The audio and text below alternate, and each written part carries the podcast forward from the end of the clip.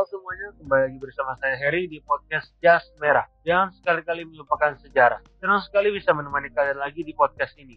Hari ini saya akan bahas tentang sejarah kedatangan bangsa Eropa ke Indonesia. Pasti para sobat Jas Merah sudah pernah belajar atau dengar tentang penjajahan bangsa Barat terhadap Indonesia. Tetapi apakah para sobat Jas Merah tahu tentang latar belakang dan tujuan bangsa Barat datang ke Indonesia? India Timur atau Indonesia telah lama dikenal sebagai daerah penghasil rempah-rempah. Rempah-rempah digunakan untuk mengawetkan makanan, bumbu masakan, bahkan obat. Karena kegunaannya, rempah-rempah sangatlah laku di pasaran dan harganya pun mahal. Hal ini mendorong para pedagang dari Asia Barat untuk datang dan memonopoli rempah-rempah. Mereka kemudian membeli rempah-rempah dari petani Indonesia dan menjualnya ke bangsa Eropa. Namun, alasan utama bangsa Barat datang ke Indonesia adalah karena jatuhnya kota Konstantinopel kepada tangan Turki Utsmani pada tahun 1453. Ini mengakibatkan pasukan rempah-rempah ke wilayah Eropa terputus karena terjadi pemboikotan oleh Turki Utsmani. Hal inilah yang merintis penjelajahan samudra bagi bangsa Barat untuk mendapatkan rempah-rempah Bangsa Barat ingin mencari sumber penghasil rempah-rempah langsung. Dan juga bangsa Barat memiliki tujuan untuk menjelajahi samudra dan datang ke Indonesia, yaitu 3G, Gold, Glory, Gospel. Pada awalnya bangsa Eropa datang hanya untuk mencari rempah-rempah yang menjadi kebutuhan mereka. Tapi, seiring dengan naiknya permintaan industri, maka bangsa Barat mulai mengklaim wilayah tertentu untuk dimonopoli perdagangan rempah-rempahnya. Mereka ingin menguasai sebanyak-banyaknya sumber daya alam yang ada di tempat tersebut. Tak jarang juga timbul konflik dengan penduduk setempat. Nah, itu merupakan latar belakang secara garis besar bangsa Eropa masuk ke Indonesia. Nah, selanjutnya saya akan menjelaskan tentang proses masuknya keempat bangsa Eropa ke Indonesia. Yang pertama, bangsa Portugis. Ekspedisi pertama untuk mencari jalan langsung ke Indonesia dirintis oleh bangsa Portugis dan Spanyol. Bangsa-bangsa lain seperti Inggris, Prancis, dan Belanda baru melakukan ekspedisi setelah kedua bangsa ini menemukan jalan ke Indonesia. Orang Portugis pertama yang mencari jalan baru ke Indonesia adalah Bartolomeus Dias. Ia meninggalkan Portugal pada tahun 1486. Dia menyusuri pantai barat Afrika hingga tiba di Tanjung Harapan Baik. Namun ia gagal mencapai Indonesia. Setelah Bartolomeus Dias menemukan jalan ke timur di Tanjung Harapan Baik, Afrika Selatan, upayanya kemudian diteruskan oleh armada-armada Portugis berikutnya. Armada Portugis berikutnya yang mencoba berlayar ke Indonesia dipimpin oleh Vasco da Gama. Mereka berangkat pada tahun 1497 dan berhasil melewati Tanjung Harapan Baik. Sewaktu di pelabuhan Malinda, Afrika Timur, mereka bertemu dengan pedagang-pedagang Arab dan India. Namun, jalan ke Asia Tenggara tetap dirahasiakan oleh para pedagang tersebut. Oleh karena itu, orang-orang Portugis melanjutkan perjalanannya menyusuri pantai timur Afrika. Mereka harus melewati perairan dengan ombak yang sangat besar. Daerah itu terletak di timur Laut Afrika, terutama di sekitar ujung tanduk. Oleh karena itu, daerah ini disebut Guadafui atau berhati-hatilah. Ekspedisi ini kemudian berhasil melewati selat di ujung selatan Laut Merah yang disebutnya Bab El Mandeb atau Gapura Air Mata. Pada tahun 1498, Vasco da Gama tiba di Kalikut, India. Sejak saat itu, perdagangan antara orang Eropa dan India tidak lagi melalui jalur Laut Tengah, melainkan melalui pantai timur Afrika. Lalu mereka ingin menjelajahi daerah timur lainnya, yakni Malaka dan Maluku. Pada waktu itu, di Asia Tenggara terdapat salah satu daerah pusat perdagangan yang sangat ramai dikunjungi Daerah tersebut adalah Malaka. Sedangkan daerah sumber rempah-rempahnya adalah Maluku. Bagi Portugis, cara termudah untuk menguasai perdagangan di sekitar Malaka termasuk di Maluku adalah dengan merebut atau menguasai Malaka. Kolonialisme Portugis Indonesia dimulai sejak kedatangan Alfonso de Albuquerque di Maluku pada tahun 1511. Ekspedisi Portugis di bawah pimpinan Alfonso de Albuquerque ini berhasil menaklukkan Malaka dari sana mereka menuju ke Maluku dan diterima baik oleh Raja Ternate. Mereka diperkenankan untuk berdagang dan membangun benteng di Ternate. Yang kedua adalah Spanyol. Pelopor bangsa Spanyol mencari jalan langsung Indonesia adalah Christopher Columbus. Ia berjalan ke arah barat. Setelah dua bulan, ia sampai di sebuah pulau yang kemudian dinamakan San Salvador. Columbus gagal mencapai India. Setelah Columbus gagal menemukan India, ekspedisi Spanyol selanjutnya di, ke daerah rempah-rempah dipelopori oleh Ferdinand Magellan. Pada tahun 1519, Magellan berangkat melalui Samudra Atlantik setelah melewati ujung Amerika Selatan, ia masuk ke Samudra Pasifik. Ia tiba di Filipina pada tahun 1521. Saat mencoba mengatasi perang antar suku di Cebu, Magellan terbunuh. Ia digantikan oleh Del Cano. Dalam perjalanan kembali ke Spanyol, mereka singgah di Tidore. Sejak saat itu, terjalin kerjasama antara Spanyol dan Tidore. Kerjasama itu dalam hal perdagangan yang diperkuat dengan dibangunnya benteng Spanyol di Tidore. Kondisi tersebut tentu menyebabkan ketegangan antara Portugis dan Spanyol pada saat itu. Portugis merasa terancam dengan hadirnya Spanyol di Tidore. Hal ini diperkuat dengan kenyataan bahwa Tidore dan Ternate telah lama bermusuhan. Dengan alasan tersebut, Portugis yang didukung oleh pasukan Ternate, benteng Spanyol di Tidore dapat direbut oleh Portugis.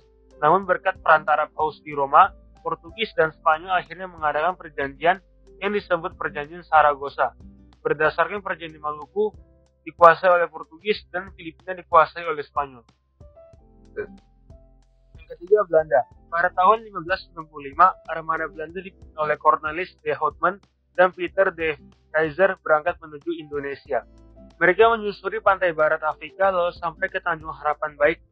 Dari sana mereka mengarungi Samudra Hindia dan masuk ke Indonesia.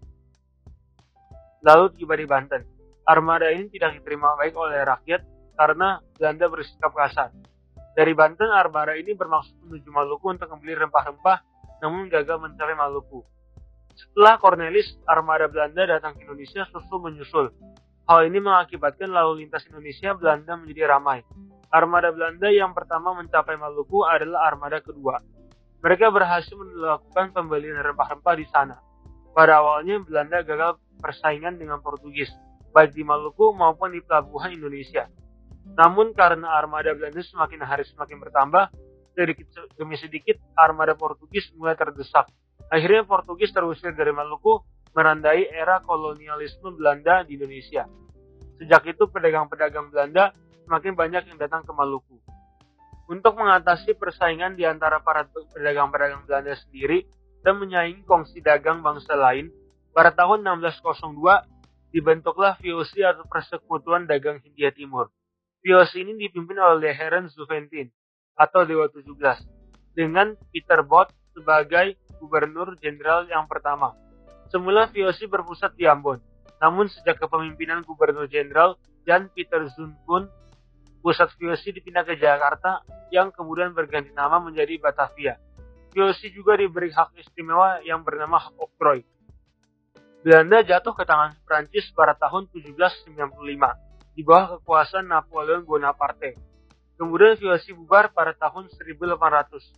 Sejak itu Prancis membuat sebuah pemerintahan boneka untuk Belanda dan mengangkat Dendels sebagai gubernur jenderal untuk Hindia Belanda atau Indonesia. Ia memimpin dari tahun 1808 sampai 1811. Yang keempat, Inggris. Kedatangan bangsa Inggris dirintis oleh Francis Drake dan Thomas Cavendish dengan mengikuti jalur yang dilalui oleh Magellan. Pada tahun 1579, Francis Drake berlayar ke Indonesia. Perjalanan berikutnya pada tahun 1586 oleh Thomas Cavendish melalui jalur yang sama. Pengalaman mereka mendorong Ratu Elizabeth I meningkatkan pelayaran internasionalnya. Ratu Elizabeth I kemudian memberi hak istimewa kepada EIT atau East Indian Company untuk mengurus perdagangan dengan Asia. Awal abad ke-17, Inggris telah memiliki jajahan di India dan terus berusaha mengembangkan pengaruhnya di Asia Tenggara, khususnya di Indonesia. Kolonialisme Inggris di Hindia Belanda dimulai tahun 1604. EIC mendirikan kantor-kantor dagangnya. Walaupun demikian, armada Inggris tidak mampu menyaingi armada dagang barat lainnya di Indonesia seperti Belanda. Mereka akhirnya memusatkan aktivitas perdagangannya di India. Kemudian Willem V dari Belanda lolos dari serangan Prancis pada tahun 1795 dan kabur ke Inggris. Dia tinggal di Kew dan memerintah di sana. Lewat surat-surat Kew, terungkap para pejabat jajahan Belanda diperintah untuk menyerahkan wilayah mereka ke orang-orang Inggris supaya tidak jatuh ke dalam tangan orang Perancis. Sejak tahun 1975, Inggris pun berusaha untuk merebut Indonesia dari tangan Belanda. Tetapi Inggris dan Prancis merupakan saingan besar pada saat itu.